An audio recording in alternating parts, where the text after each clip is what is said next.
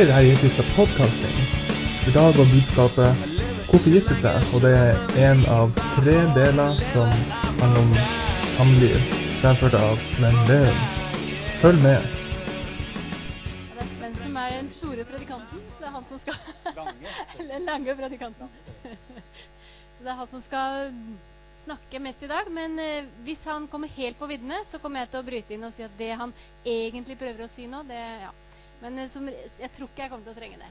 Men eh, vi har stort sett planlagt det her eh, sammen, så jeg står bak. Mm. Ja. Det, ja. Det er godt å vite at jeg har en medhjelp som står med. ja. Nei, men For de av dere som ikke måtte kjenne oss noe særlig, så er vi altså regionsleder i Troms for Familiefokus, som er en organisasjon under Ungdom i oppdrag som jobber med ekteskapsarbeid, familiearbeid. Og vi arrangerer weekender og kurs og en del sånne ting.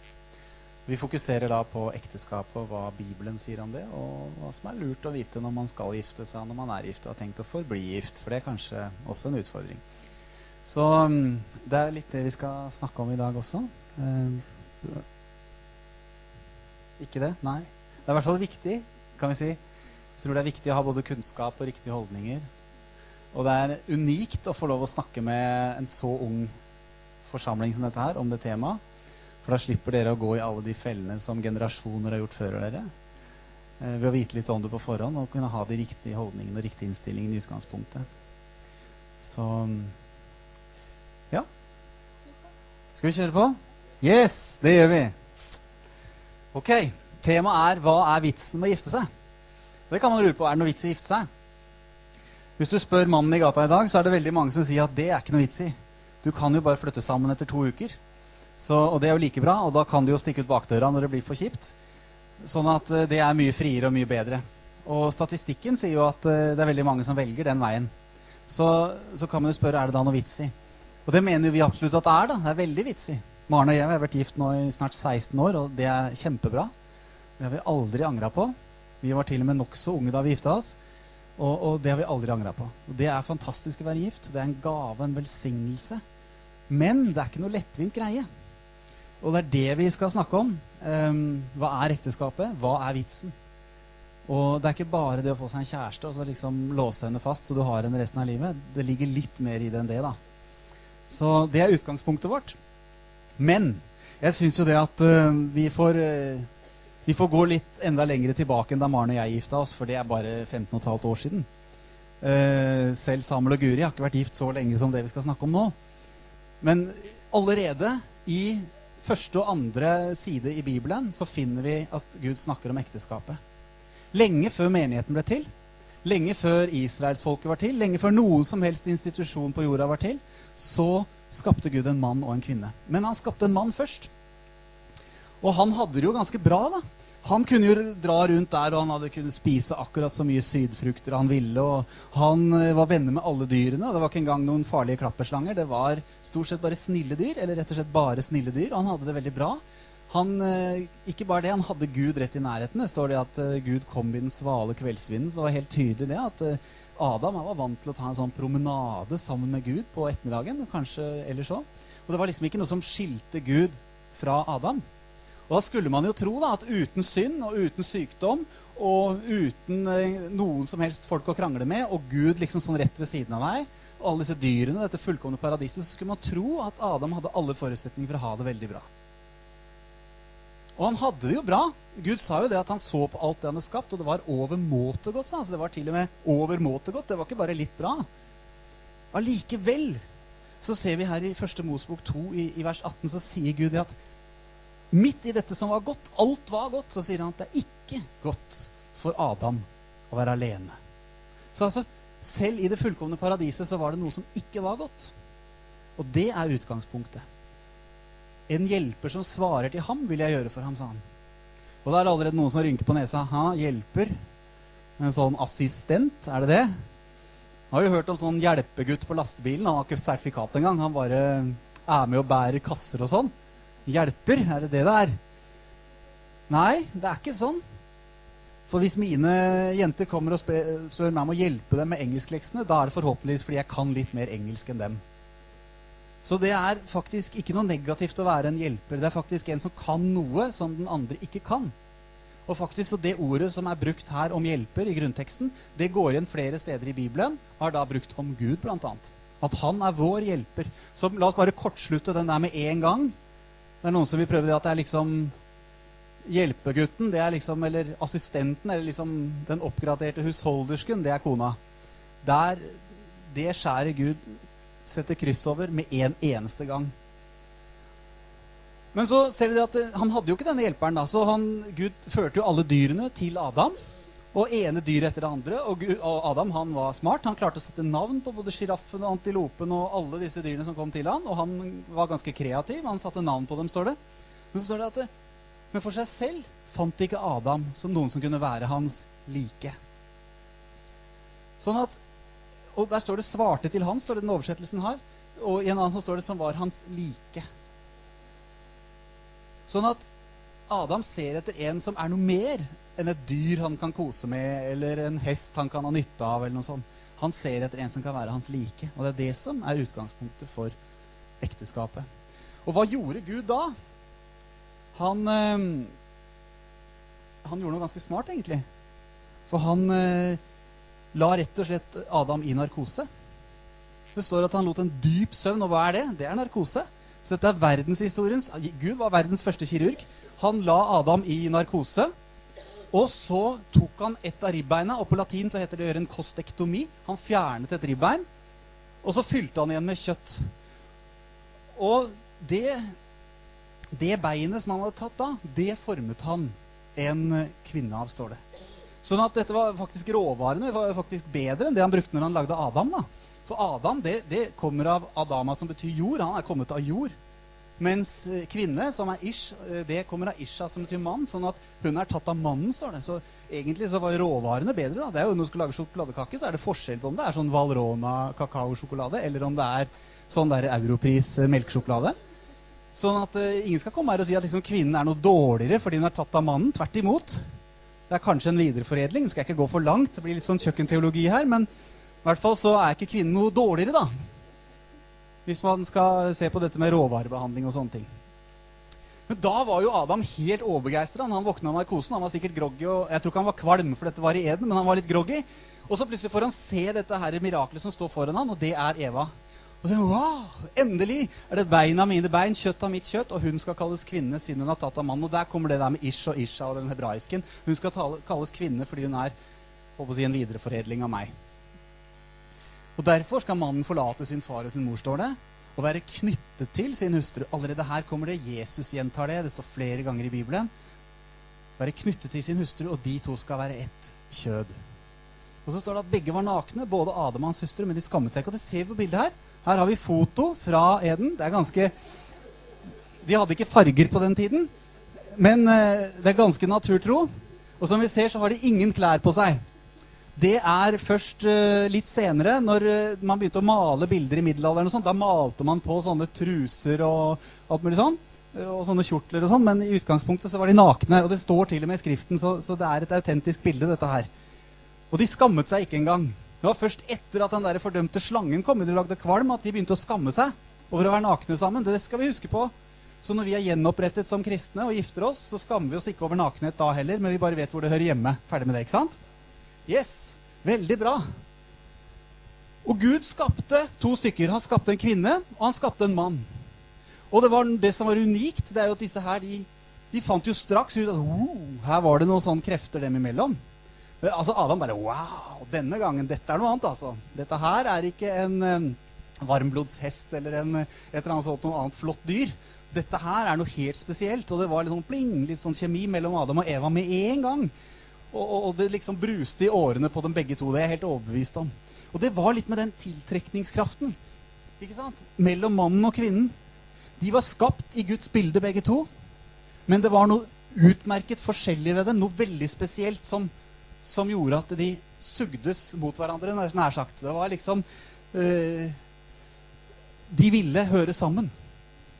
Og da var det det at når mannen og kvinnen kom sammen, så ble det en ny enhet. Og det er det det står. At Gud skapte mennesket i sitt bilde, står det. I Guds bilde skapte han det. Til mann og kvinne skapte han dem. Så åpenbart så trengtes det både en mann og en kvinne for å utgjøre dette totale bildet av Gud. Sånn at det var mannen og kvinnen sammen som var bildet av Gud. Det var ikke Adam. Adam han var bare en del av gudsbildet. Eva var også bare en del av gudsbildet. Men sammen så var Adam og Eva et sant bilde av Gud. Og ekteskapet mellom Adam og Eva det vitnet om Guds trofasthet. Det vitnet om Guds kjærlighet. Det vitnet om Guds paktsforhold til sitt folk senere. Om hva som var mellom Adam og Eva. Paulus drar det bildet videre. Vi skal ikke tale detaljene at ekteskapet det er et bilde på forholdet mellom Kristus og menigheten, sier Paulus. Og Hele veien gjennom Bibelen så er dette en rød tråd at ekteskapet det er noe hellig. Hvorfor er det det? Lenge før menigheten, lenge før Israel, lenge før tempelet, Salomo, pakten, alt. Moses, loven. Lenge før alt dette her så opprettet Gud ekteskapet som et bilde av seg selv. Ekteskapet mellom mann og kvinne. Og det er utgangspunktet vi er nødt til å ha når vi skal se på disse tingene. Det er verken mer eller mindre. Men så er det noen som tenker ja, hva med meg, da? Skal jeg aldri bli gift? Jeg, jeg syns det bildet der var søtt. Lonely Dog heter det bildet der. Sitter og stirrer ut av vinduet i ensomhet. Ja, for det er sånn mange kan føle det. Alle snakker om kjærlighet, og du kan ikke se en eh, dagsavis, i hvert fall ikke Dagbladet på lørdag, uten at hele forsiden handler om et eller annet samlivsgreier og hvordan vi kan få det bedre på en og andre måten. Og alle fokuserer på denne tosomheten. Det er han og henne. Og man kan føle seg litt sånn alene, kanskje, som enslig, da. Er det liksom, og, og Særlig nå kommer jo dette her, og jeg er ikke engang mer enn halve gudsbildet. Hallo! Hvordan, ja, det, det, er virkelig noe som mangler her. Og tenk om jeg aldri blir gift? Noen er det liksom den store skrekken. Men eh, hvis, vi, hvis, vi, ser på andre folk i Bibelen, da, så sier f.eks. Paulus Han var jo ikke gift. Han var ikke noe sånn dårlig gudsbilde, altså.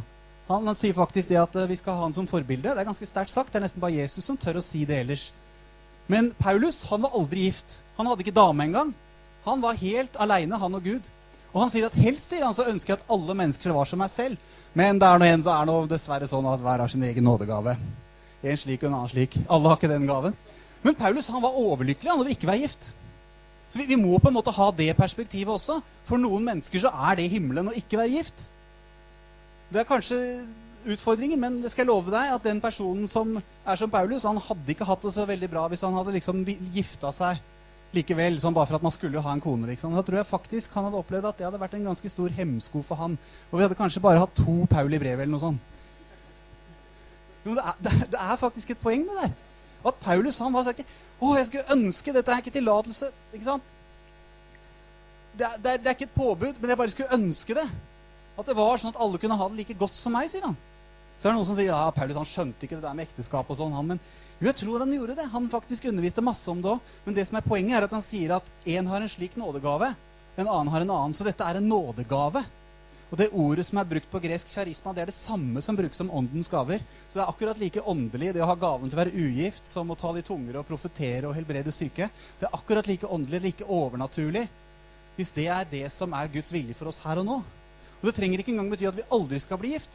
Men hvis det er sånn at det perfekte for deg er å være gift om fem år, så kan du begynne å dra veksler på den nådegaven i tro her og nå. Ikke sant? Du skal se deg om etter en kone eller en mann hvis, hvis, du kjenner at det er veien for deg. Yes! Men samtidig så er det en gave fra Den hellige ånd. Det å kunne leve for Gud uten å bare være fokusert på sin ensomhet og sin mislykkethet fordi man ikke er gift, ikke har fått seg dame, ikke har fått seg type. Det er litt viktig dette her at vi har rett perspektiv på det. For det er en gave å være gift. Men det kan også være en gave å ikke være gift. Og for den som er som Paulus, så vil det være tragisk å være bundet til en kone. Han sier faktisk han sier til og med at 'jeg vil gjerne at dere skal være fri for bekymringer'. sier han. For den ugifte den har omsorg for det som hører Herren til. Det var han. Han kunne være omsorg for alle menighetene, sin aposteltjeneste, skriftene som han skulle skrive, som skulle være der for all evighet etterpå.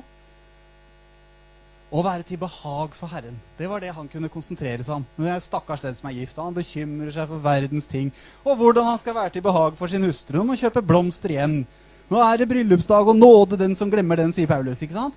Han må passe på det. han, Mens Paulus han og reiste han på den tida han ellers skulle hatt bryllupsdag. Og det var helt ålreit. Og han hadde lov til det. Han hadde frihet til det. Han kunne sitte og skrive på skriftene sine til halv fire om natta uten at det var noen kone som maste på han. For han var det frihet. Så vi må på en måte ikke stirre oss så blind på det at liksom vi er mislykka hvis vi ikke er gift. Da definerer vi automatisk Paulus og en del andre skikkelige Guds kjemper som mislykka. Og for dem var det fantastisk å ikke være gift. Så bare rydd det av veien med en gang. Og det er jo faktisk Jesus sier at den som skal bygge et tårn, sier han, da er det én ting han først må gjøre. Han må sette seg ned og regne. Vi driver og bygger garasje hjemme. Og da måtte vi sette oss ned og regne. Hva kommer den garasjen til å koste? Og garasjer de blir dyre. Det har vi funnet ut. Men Jesus han snakker om å bygge noe enda større enn garasje. Han snakker om å bygge tårn. Og han sier det at setter han seg ikke da ned Og en som skal bygge garasje, sier Jesus, ikke sant? setter seg ned og regner. Underforstått. Hvis du skal bygge tårn, da vil du i hvert fall sette deg ned og begynne å regne om du har råd til det. Eller så kan det hende at han får bygd grunnmuren. Og det er liksom bare her nede, det. Kanskje opp dit. Ja, fint tårn, gitt. Og så får han ikke fullført, og alle vil begynne å spotte ham. Og så vil de liksom uh, snakke nedlatende om ham for at han ikke greide å fullføre. Og det snakker Jesus om, om ting som vi gjør i Guds rike. Han snakker om vi virkelig vil gå inn i det livet, at vi må sette oss ned, at det er faktisk også en pris, selv om vi får mye mer igjen. Og sånn er det også med ekteskapet. At skal vi inn i ekteskapet, så er det faktisk noe vi skal bygge hele livet. Og hvis vi bare går inn i ekteskapet for å få seg en dame, og for ikke å være ensom, da har du ikke satt deg ned og regna på hva det koster å underholde den dama resten av livet. Og hvis det er sånn at du vil få deg dame bare, eller få deg type bare fordi at noen skal beskytte deg, og for at du skal ikke være ensom, og for at du skal liksom ikke være mislykka og enslig, da har du overhodet ikke regna ut hva det koster å bli gift. Fordi at det er en høy pris, men du får selvfølgelig mye mer tilbake. Det er ikke det jeg prøver å si. Jeg er strålende fornøyd med å være gift med Maren, og det har jeg aldri angra på, faktisk. Ikke et sekund. Så det er flott. Men, men, det er en pris å betale. Det er noe vi må sette oss ned på samme måte som alle andre Guds velsignelser. Så er det noe vi først må investere, og så kan vi høste det vi har sådd. Det er ikke sånn at vi bare går inn i at ja, jeg skal bli frelst, for da blir jeg helbreda. Og så gidder jeg ikke gjøre som Jesus sier. Jeg blir, hel jeg blir frelst for å bli helbreda, liksom. Det er ikke veldig sånn som Jesus vil at vi skal forholde oss til han. På samme måte så vil ikke han at vi skal bli gift bare for å bli kvitt ensomheten. Eller, for da har vi helt feil utgangspunkt. For ekteskapet handler om noe helt annet enn å gå inn bare for å få. Hvis begge to gjør det, da blir man to snyltere. Og dessverre så er det sånn. Skal ikke jeg nevne navn? Jeg har ikke noen konkret i hodet, men hvis man ser rundt seg, så er det veldig mange som lever et helt liv som snyltere på hverandre. Og dere vet hva snyltere er? Det er sånne dyrearter og organismer som på en måte bare snylter på hverandres tilværelse for å overleve sjøl. De bidrar ingenting for at den andre skal ha det bra. De bare bruker den andres eksistens for ikke å ha det så ille sjøl og for å overleve. Det er ikke det Gud har tenkt. At vi liksom skal bo under samme tak for å få bedre økonomi og for at ikke vi skal være ensomme. Det ligger noe mye, mye dypere enn det. Og Derfor vil jeg bare si det med en gang. Det er flott å gifte seg når det er Guds tid for det. Men hvis du går inn i ekteskapet med den holdningen at nå skal jeg få en masse ting uten å betale så mye for det, da er det på tide å vente litt. Og da er det ingen krise å vente. Og jeg var riktignok relativt ung da jeg gifta meg. Jeg var 23. Men da hadde jeg brukt de årene til jeg gifta meg, veldig intenst sammen med Gud. Jeg hadde ingen andre damer. Jeg, jeg, jeg var sikkert forelska noen ganger, skal ikke legge skjul på det. Men jeg var veldig happy over at det ikke ble noe av. Og jeg brukte de årene til å bli bedre og bedre kjent med Gud, og det var fantastisk. Sånn at det å utnytte singellivet Ikke bare sitte 'Å, eia var vi der'. 'Eia hadde jeg en kone'. Å, ikke sant? Hin på andre siden ekteskapets ble ved og vel. ikke sant? Man lager nesten sånne salmer på det at eh, vi sitter her i denne tåredal og uten kone og barn. Det blir jo nesten sånn hvis man sitter og viksler seg, viksler seg, sier jeg, kveiler seg inn i den selvmedlitenhetens spiralen. Da må vi på en måte bare løfte hodet litt og si at hallo, det er en fantastisk tid nå til å gjøre ting sånn som Paulus gjorde for noen år. Studer ordet, bygg karakter, bli kjent med Gud. For det blir en veldig attraktiv mann å få. Det blir en veldig attraktiv dame å få for den som sjøl er litt åndelig, og som kjenner Gud. Det er nå du har muligheten. Når du har fire skrikerunger som skal skiftes bleie på nesten samtidig, og lage mat og kjøre i barnehage, opp på skolen og sånne ting, da er det redusert mulighet for å sette seg ned og studere Skriften i timer og be. Hvis du gjør det da, så vil jeg si at du er slem mot ektefellen din. Med mindre vedkommende har sagt at 'nå går du og gjør det, for nå trenger du det'. Det kan jo også trenges når du kanskje blir skikkelig uåndelig etter hvert. Men det er, det er nå du har muligheten. Når du ikke har det. Det er det Paulus sier. ikke sant? Jeg skulle ønske alle var som meg, hadde den friheten. Så ikke glem det hvis du nå føler deg litt ensom av og til og ikke er gift ennå. Det er en unik mulighet til å studere Guds ord. Det har du med deg resten av livet og inn i evigheten. Det er en unik mulighet til å bygge karakter. Og mens vi snakker om det Noen syns jo det er litt kjipt at vi snakker om avholdenhet før man gifter seg. Det er en fantastisk sak. Det er en fantastisk sak som gjør at du har karakter til å ikke bare få tilfredsstilt dine egne behov til enhver tid. Sånn at når du senere blir gift, så kan du, om kona di er kvalm og svanger og alt på en gang, så er ikke det noe problem for deg, for du har karakter til å se hennes behov over dine egne. Det er fantastisk. Det er fryktelig mange ektepar som kjører ekteskapet sitt i grøfta fordi de ja, men 'Jeg får ikke det som jeg vil ha.' 'Da må jeg bli skilt. Jeg gidder ikke mer.' Og det er fordi man ikke har den karakteren bygget på forhånd. Det er nå du kan bygge den karakteren. Se enhver fristelse til å overtre Guds opplegg på dette her som en mulighet til å bygge karakter. Det er en kjempemulighet. Og den muligheten er ikke så god etter at du er blitt gift. Bruk tida nå. Og det å bli kjent med Gud Det er fantastisk å kunne bli så kjent med Gud at man egentlig ikke trenger en ektefelle for ikke å være ensom. Det er det ideelle. Det ideelle er at du kjenner Gud så godt at du egentlig ikke trenger den ektefellen for å ikke være ensom. Men at du kjenner Gud så godt at du kan hjelpe den ektefellen til ikke å være ensom. Og da er det gjensidig. Så du må på en måte få riktige prioriteringer på dette her. At hvis du kjenner Gud så godt, så vil du også ikke være nesten i tvil om dette er det riktige. Du vil kunne spørre Gud om det, om du skal gifte deg med den personen. Dette er kanskje idealisert verden jeg snakker om nå. Men skjønn ikke sant, at vi har målet høyt. Hva vi sikter mot det er at vi skal kjenne Gud så godt at det blir det viktigste. Og når vi gjør det, da har vi et fantastisk utgangspunkt for å bli gode ektefeller også. Så bruk den tiden. Og det Bibelen, det, som jeg nevnte forrige søndag, da, Bibelen er jo helt klar på det. At det er faktisk mye bedre å være ugift enn å være gift med en bitch. Så, fordi at det, Sånne trettekjære kvinner snakker Bibelen en del om. De er ikke noe særlig å ha i hus. Da er det veldig lite trivelig. Da er det bedre å bo ikke bare i hus i hybel, men faktisk i et hjørne på taket. Og det er ikke noe luksustilværelse selv for en student å bo i et hjørne på taket. I hvert fall ikke i Tromsø om vinteren. Men Skriften er helt klar. Det er faktisk bedre. Så, så på en måte ha det perspektivet òg. Og dette kan selvfølgelig snus andre veien òg. Det er mye bedre å bo i et hjørne på taket enn i hus med en mann osv. Skal vi ikke gå i detaljer på hvor ille menn kan være? For dette går begge veier. Men nå var det Salomo som snakket til sønnen sin. da. Så, så, du kan tenke deg hvis det var dronningen som snakket til datteren sin, så hadde hun snudd på det. Så ikke ta dette for at det er damene som er bitch. Det er ikke det som er budskapet. Men noen er det. Pass deg for dem. Her har vi familien til Per og Kari. De er vokst opp i hver sin familie. Og nå er de kommet i en sånn alder at de begynner liksom å orientere seg mot at oi, det fins visst øh, noe der ute. Det er noe med den der rosa og blå trekanten som begynner å trekkes mot hverandre. Og de begynner å tenke at kanskje det er liksom på tide at jeg begynner å orientere meg i verden. At det er noen jeg skal dele livet mitt med. I hvert fall så oppstår det litt sånn varme følelser her hos Kari. Og hun ser litt salig ut der, og vi ser dette hjertet her. Og det beste er jo at det gjengjeldes jo av eh, Per. Sånn at de blir veldig interessert i hverandre. Og så skjer det som av og til da skjer, at de finner ut at de vil være et par. Og det oppstår søt musikk mellom Per og Kari der. sånn. Og da vet vi at det er ikke Guds plan at vi skal finne oss en kjæreste bare for å ha en kjæreste. Guds plan er at vi skal finne en livsledsager. Så hvis du er 13 år så vil jeg si det at eh, du må gjerne bli forelska, men det kan være en lang vei å gå og vente alle de årene på å bli gift. Så hvis du bare vil ha deg en kjæreste fordi det er kult å ha kjæreste, så vil jeg si at det skaper ofte mye mer sår og vanskeligheter i årene som kommer, enn gleder. Det kan være faktisk veldig godt å slippe alle de skuffelsene når det etter hvert kanskje går i grøfta og sånne ting.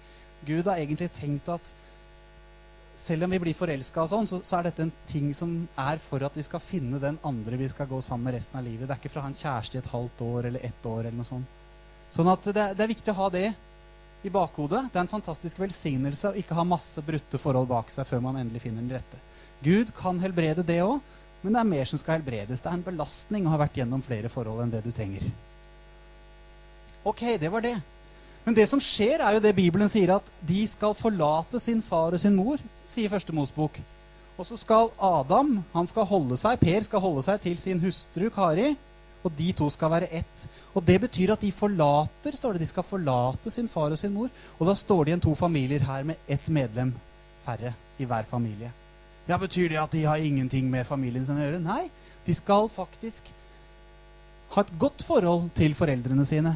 Men nå er det primært de som har lojalitet overfor andre. For de skal holde seg til hverandre, og de skal være ett, sier Bibelen. Og det betyr at plutselig så er det en helt ny lojalitet. Hvis de skal kjøpe nye gardiner, for å ta et litt sånn uh, søkt eksempel, men det skal jo de aller fleste, så er det de som skal være enige om de gardinene. Det er ikke først og fremst uh, Kari og svigermor som skal være enige om hva som er fine gardiner. Det skal faktisk de bli enige om. Og hvis hun svir grøten hver lørdag, og det gjorde ikke mor, så er det ikke liksom du, nå drar vi hjem til mamma på lørdag, for nå vil jeg ha ordentlig grøt. Jeg hadde hørt forresten om han der som klagde på grøten til kona si i alle år. At du lager aldri grøten sånn som mamma. Den er så dårlig, den grøten du lager. Og hun gjorde så godt hun kunne. Hun rørte hele tida for at den ikke skulle svi seg. og sånn. Men så var det en gang som telefonen ringte midt i grøtkokinga. Og siden hun ikke hadde induksjonskomfyr, så fikk hun ikke skrudd ned fort nok, så den brant seg. Og da var jo gutten så fornøyd, for i dag hadde hun laget grøten akkurat sånn som mamma gjorde. Men det er ikke vår oppgave å kritisere hverandre og sammenligne med mors kjøttkaker. og alle disse tingene her. Og hvis du har, sånn som En sa, en jeg kjenner fortalte hadde hatt et par i samtale, så hadde gutten sagt 'Jeg veit ikke hvem jeg skal holde med', sa jeg. 'Hun sier det, og mamma sier det'. Men da, da, er det noe fundamentalt galt. Du skal ha et godt forhold til mamma, men det er ikke hun som er den nærmeste. Det er ikke lenger, det skjer noe dramatisk når du gifter deg. Hvis du blir lagt inn på sykehus, så står det nærmeste pårørende. Står, og før det så står det mamma eller pappa. Etter det så står det navnet på kona di eller mannen din. Og det er en dypere sannhet enn bare hva som står i en journal. Det er faktisk fordi at den personen har byttet plass med resten av familien din. Du har en ny lojalitet, og du har et nytt vennskap. Det er mellom han og henne. Det skal være det nærmeste vennskapet. En del eh, blir jo helt sånn tosomme, så de kutter ut alle andre venner. Og det er ikke meningen. Men samtidig så må det ikke være sånn at hun fortsatt snakker om sine problemer med sine venninner og han liksom klager om kona si til kameratene sine. Fordi at de nærmeste vennene nå, det er ikke bestevenninnen som du delte alt med. Sorry for deg som sitter igjen og ikke er gift enda, men du mistet faktisk en fortrolighet der når hun ble gift. Ikke forvent at hun skal fortsatt komme til deg og fortelle om alle sine hjertesorger. Det skal han komme til han med nå. Hvis ikke så er du med å underminere hele det forholdet. Og Det er også litt alvorlig. Noen sånne venninner spesielt, enkelte kamerater, men ofte venninner, de kan føle seg litt forsmådd når venninna blir gift. For at de får liksom ikke innsyn i alt dette her lenger. Men det er heller ikke meningen. For den gutten som oppdager at hun ikke snakker med deg om det, men går til venninna og snakker om alt mulig, fra hvor udugelig du er, til hvordan hun bekymrer seg for din fremtid og sånne ting, det er ganske ille å oppleve. altså. Det unner jeg ikke min verste fiende. Det er faktisk eh, noe som virkelig kan ødelegge et ekteskap. Så de har vennskap, og lojaliteten er først og fremst dem to imellom. Og det å være ett, det er mye mer enn det rent fysiske. At nå er det plutselig endelig lov å gjøre alt, holdt jeg på å si. Det er faktisk at man er en enhet som hører sammen. Og det betyr at vi skal ikke være vrange mot foreldrene. Vi skal ha et godt forhold til foreldrene. Vi skal hedre dem, sier Bibelen. Og det er faktisk en forutsetning for at det skal gå oss godt. Og Paulus sier jo det at det er det første av budene som er knyttet et løfte til. Nettopp det at vi skal hedre vår far og vår mor. Ikke herde, men hedre. Så en del tenåringer de er gode til å herde, men vi skal altså ikke ha trykkfeil der. Vi skal hedre. Og når vi gjør det, så går det oss godt. Og jeg har lest, jeg har lest folk som har jobbet med ekteskapsarbeid og sånn i mange år. Husker f.eks. Derek Prince, som jo er død nå, men som er en stor bibellærer gjennom mange år. Han skrev i en av sine bøker at han enda, og han hadde veiledet mange. altså. Han hadde ennå til gode å møte et par som ikke hedret foreldrene sine, og som virkelig hadde et godt ekteskap tvers igjennom. Men han sa at de som hedret foreldrene på en god måte, ikke underkastet seg dem. For det har med lojaliteten å gjøre. Men de som hedret, de hadde nesten uten unntak hadde alle forutsetninger for å ha et godt ekteskap. Så dette må vi ikke glemme. Har vi bitterhet mot foreldre og svigerforeldre, så er det noe vi må ta i tur med. Ellers så får vi et problem sjøl. For da sår vi bitterhet, og vi høster bitterhet i enda større grad. Og høster et dårlig ekteskap. Så dette er liksom oppsettet. da. Forlate, holde seg til. Og så skal vi hedre. Men hva er da ekteskapet? I Malaki så står det om israelsfolket at de har vært utro mot Gud. Og I den sammenhengen så står det en veldig viktig undervisning om ekteskapet. For da sier Gud det at du har vært utro mot henne enda hun er din ektefelle og din hustru som du har inngått pakt med. Så Bibelen sier at ekteskapet er mye mer enn en samlivskontrakt. Ekteskapet er ikke en kontrakt, men det er en pakt. Det er ikke en avtale, men det er en pakt. Og det er jo en ting som Jeg gjorde et søk i Google jeg, på ektepakt, og jeg fant nesten ingenting. Altså Det står ingenting, ikke engang i Google, som liksom har 100 milliarder sider, eller noe sånt, så finner du noe om ektepakt, unntatt at det er noen lovtekster på norsk om hva du skal gjøre med deling av boet når det er skilsmisse. Så dette med ektepakt, som er et sånn bibelsk uttrykk Jeg fant i en og annen andakt, da. Men ellers, sånn, hvis man filtrerer bort, setter på dette kristenfilteret så ikke de kommer opp, så Nei, det var ikke sånn det virka, nei. Men i hvert fall, når du tar bort de, da, så ser du at da er det Dette begrepet er helt borte. Og Hvis du spør mannen i gata i dag hva det er en pakt er, så, så har han ikke den minste anelse som regel. Det nærmeste vi kommer eh, pakten i vårt samfunn, det er sånn som, er noen som ser hva det der er? Ja? Ja, Nato-dings. Helt riktig, vet du. Nato-dings. For Nato-pakten, Da jeg vokste opp, så var det liksom Nato-pakten og så var det Warszawa-pakten. Det var liksom de snille og de slemme. da. Men de snille var jo da amerikanerne som skulle komme og redde oss hvis russerne angrep oss. Og det var fordi vi hadde inngått en pakt med alle nasjonene som var i Nato. Og fordi Norge var liten og ussel og ikke hadde så mye å bidra med, så fungerte den pakten nesten som mellom oss og Gud. At vi hadde på en måte bare noe å hente og ingenting å tape. Amerikanerne bygde svære beredskapslager oppe på Innlandet og Målselv og Bardufoss. Alt dette her er jo svære, det er som sveitseroster, disse fjellene på innsiden. Fulle av amerikanske stridsvogner og våpen og alt det vi skulle måtte trenge hvis russerne angrep oss. Og vi var totalt prisgitt amerikanernes hjelp hvis russerne høvla inn over grensene våre. Men hvis amerikanere det var noe som truet deres nasjonale interesser, så var det ikke veldig mye vi kunne bidra med. Nå har det snudd litt på seg. Nå er ikke trusselbildet sånn som det var lenger. Nå skal jeg ikke snakke utenrikspolitikk her, men det er jo interessant å følge med nyhetene da, når vi nå har Nato-soldater i utlandet. At å ja, vi skal hjelpe nordmenn, men andre land, det er nok ikke aktuelt. For da står norske liv i fare. Det viser jo egentlig at når politikere sier sånn, så har de heller ikke skjønt hva en pakt er. Det er fryktelig ekkelt å sende norske ungdommer i krigen, men pakten den er faktisk gjensidig. Og der har faktisk forholdet endret seg fra den kalde krigen til nå. Men det er jo det som er poenget da med dette her, at ekteskapet er også en sånn pakt. Og det betyr at når man er nyforelska og nygift, så føler man seg like sterke. Begge føler de akkurat like mye å bidra med. Men det kan komme perioder hvor faktisk den ene kjenner seg svak og trenger den andre støtte. Og det er da pakten er viktig. En kontrakt er sånn at hvis jeg leier en sokkelleilighet et sted, så kan huseieren si det at så lenge du betaler innen den 15. hver måned, så får du bo her. Men den dagen det er eh, fem dager for seint, så er det ut. Det er en kontrakt. Og det kan man gjøre også. Samboere kan ha en samboerkontrakt som sier at den dagen vi ikke tåler trynet på hverandre, så deler vi likt. Og så går vi hvert for vårt. Eller hvis du ikke overholder dine forpliktelser med å hente unger i barnehagen og sånn, så er det slutt. Og så har man rett til å bryte kontrakten. En pakt kan ikke brytes. Det er jo litt scary. Men det er jo derfor det er viktig også, da, å på en måte ikke forhaste seg med dette her. En pakt den er evig. Det er bare døden som skiller i en pakt.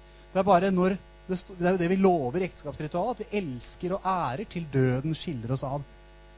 Og Det er ganske sterkt. Det er noe helt annet.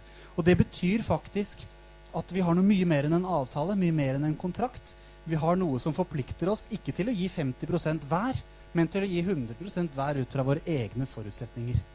Så hvis det blir en periode hvor jeg kan yte bare 20% av det jeg før gjorde, så kan ikke Maren si at ja, nei, da yter ikke jeg mer enn 20% heller, for dette skal være likt 50-50. Det ville vært en kontrakt. Men fordi at hun da kanskje er enda sterkere enn før, så yter hun 120% i forhold til hva hun gjorde før. Eller 150, for det er det som er 100% for henne nå. Og så har du at begge yter maksimalt ut fra egne forutsetninger til enhver tid. Og da har vi en garanti i ekteskapet at vi, om vi skulle bli syke, om vi skulle få dårlig økonomi, om et eller annet skulle inntreffe som vi ikke tror skal skje, men som ingen mennesker i en fallen verden er 100% garantert mot, så har vi en som vi vet følger oss hele veien på tross av alt dette. Og Jesus sier jo det at vi skal ta hans åk på oss. Skal vi snakke litt om det til slutt? Fordi at pakten som vi har med Gud, den blir sammenlignet med et åk. Og Jesus sier at vi skal ta hans åk på seg. Og han sier at åk er gagnlig og byrde er lett. Og jeg må si, Da jeg var barn, så tenkte jeg på dette åket. Da så jeg for meg det eneste åket jeg hadde hørt om. Det var et sånt som det der. Hvor man henter vann fra brønnen. Så jeg så for meg at Jesus sa det at ja, du skal ta på mitt åk. Det er ikke så tungt, men du greier det. Det er lett, men det er lett for han å si, ikke sant? Og så skulle vi bære vann, og det var liksom Å, Jesu åk. Og det er liksom som du hører jo enkelte sier nærmest at ja, han har fått et åk i livet, han. Og tenker på den vanskelige kona, ikke sant? Å, ja. Glad vi ikke er han. Han har fått et åk i livet, han. Åk har et negativ klang i mange menneskers ører. Og det er fordi vi tenker på det der vannåket der ut i 20 kuldegrader og henter 20 liter vann i brønnen og sklir på isen og ramler og blir våt og kald. Det er liksom hva vi tenker på med åk. Men det er jo ikke det Jesus snakker om i det hele tatt. Når han sier åk, så snakker han om to okser som pløyer. Og da er åket det som er mellom de to oksene når de skal pløye samme Når de skal trekke plogen sammen. Og det er noe helt annet, for det betyr at når vi er i åk med Gud, så er han den som trekker på den ene siden, og vi er den som trekker på den andre siden. Og når vi er gift, så er vi også bundet til hverandre i pakt på samme måte, så da trekker vi åket sammen. Og det som er så genialt, er at det, selv om to okser eller hester eller hva det er som trekker sammen, har ulik styrke, så er et sånt åk sånn at du kan flytte draget mellom de to. Og for de som kan litt fysikk fra ungdomsskolen og videregående, så vet man at det er kraft ganger arm. Sånn at den som har åket nærmest seg, trekker den tyngste byrden hele tida. Og sånn vil det være mellom oss og Gud. Da vil det stå veldig mye nærmere Gud bestandig, for han er alltid mye sterkere enn oss. Men derfor er vår byrde lett, fordi det er Jesus som tar støyten. Og så er det vi som går sammen med ham. Men vi må ha med oss det bildet over i ekteskapet. At det er faktisk sånn at det kommer til å flytte seg hver dag, hver uke, egentlig hvert år, hele ekteskapet. Akkurat hvor det draget er. For det er variabelt hvem som er sterkest fra dag til dag. Og det er ikke feil. Det er sånn Gud hadde tenkt at det skulle være. Fordi vi trenger hverandre, i, spesielt i tøffe tider. Men det som er jo så herlig, det er jo det at når vi er i en sånn pakt, sammen med vår ektefelle, så er ikke det noe som vi mennesker har funnet på. At ah, greit å inngå en pakt, gitt, for da er vi avhengig av hverandre. Nei, dette er Gud som har startet. Og fordi Gud har startet det, så går ikke vi i det åket alene. Og Jeg fant det bildet her. Det synes jeg var et flott bilde. Her har du to hester, og så har du en tredje hvit hest.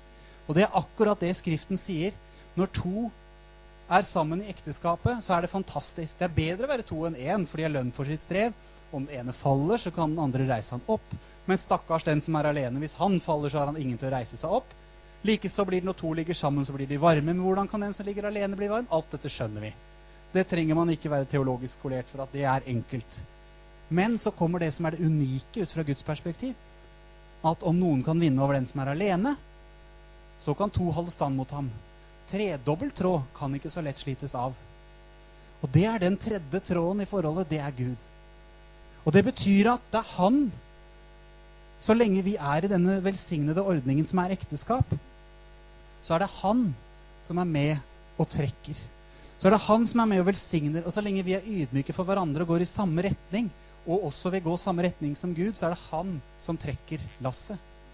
Og så skal åket flyttes litt mellom oss. Vi, han lar oss få bære litt selv av og til, fordi vi trenger det både for vår karakter og fordi vi har fått et oppgave i livet. Vi skal ikke bare ligge og hvile på laurbærblad og, på en uh, myk divan hele livet. Vi skal gjøre en jobb her i livet. Og det er utfordringer. Men Gud går alltid med oss. Og da blir det jo, det er det vi skal snakke om 22. Da, april, da blir det jo litt vesentlig hvem den der andre trekkdyret der er, da. For det er klart at hvis det er en sånn der vill uh, varmblodshest som bare skal stikke av hele tiden, og drar åket i feil retning og sånn, da har du et strev med å få pløyd åkeren, altså. Men har du der en trofast partner for hele livet, som har samme mål, som ser hva som skal gjøres, som går sammen, og som går sammen og trekker i åk og vet hva det betyr, da har du et fantastisk utgangspunkt. Men alt har sin tid. Glem ikke det. Det er fantastisk å bli gift. Men Paulus bedyrer at det er enda mer fantastisk å ikke være gift hvis det er det som er riktig for deg akkurat nå. Så ikke stress med dette her. Det er veldig mye bedre å ha riktig person i det åket sammen med deg om fem år, enn at du er så desp nå at du bare hopper på første og beste av hunnkjønn eller hannkjønn som du kommer over. Fordi vedkommende ser ut til å være ledig. Jeg snakker litt flåste om det, men husk at det gjelder hele livet. Nå sier jeg ikke for å skremme deg. Men husk å bruke singeltiden til å forberede deg. Skjønn hva det innebærer. Og så vil Gud gjøre deg til den beste ektefellen som den personen kan få. Og så er det litt kult å tenke på da, Siden vi ikke tror på barnerov, så vil det jo være sånn at når vi er over 20, så fins jo den potensielle ektefellen et eller annet sted der ute i verden. Og Gud vet jo akkurat hvem det er. Om det er ett år til du gifter deg, eller om det er 20. Så begynn å be for den personen i dag. Gud vet akkurat hvem det er, og kan velsigne den personen og forberede den personen. Så er det han som skal sørge for at dere en dag møter hverandre. Men det skal vi snakke om neste gang, hvordan dette skal skje. Men glem ikke dette. Det er et åk. Det er en velsignelse. Og dette er utgangspunktet for å fungere sammen som familier.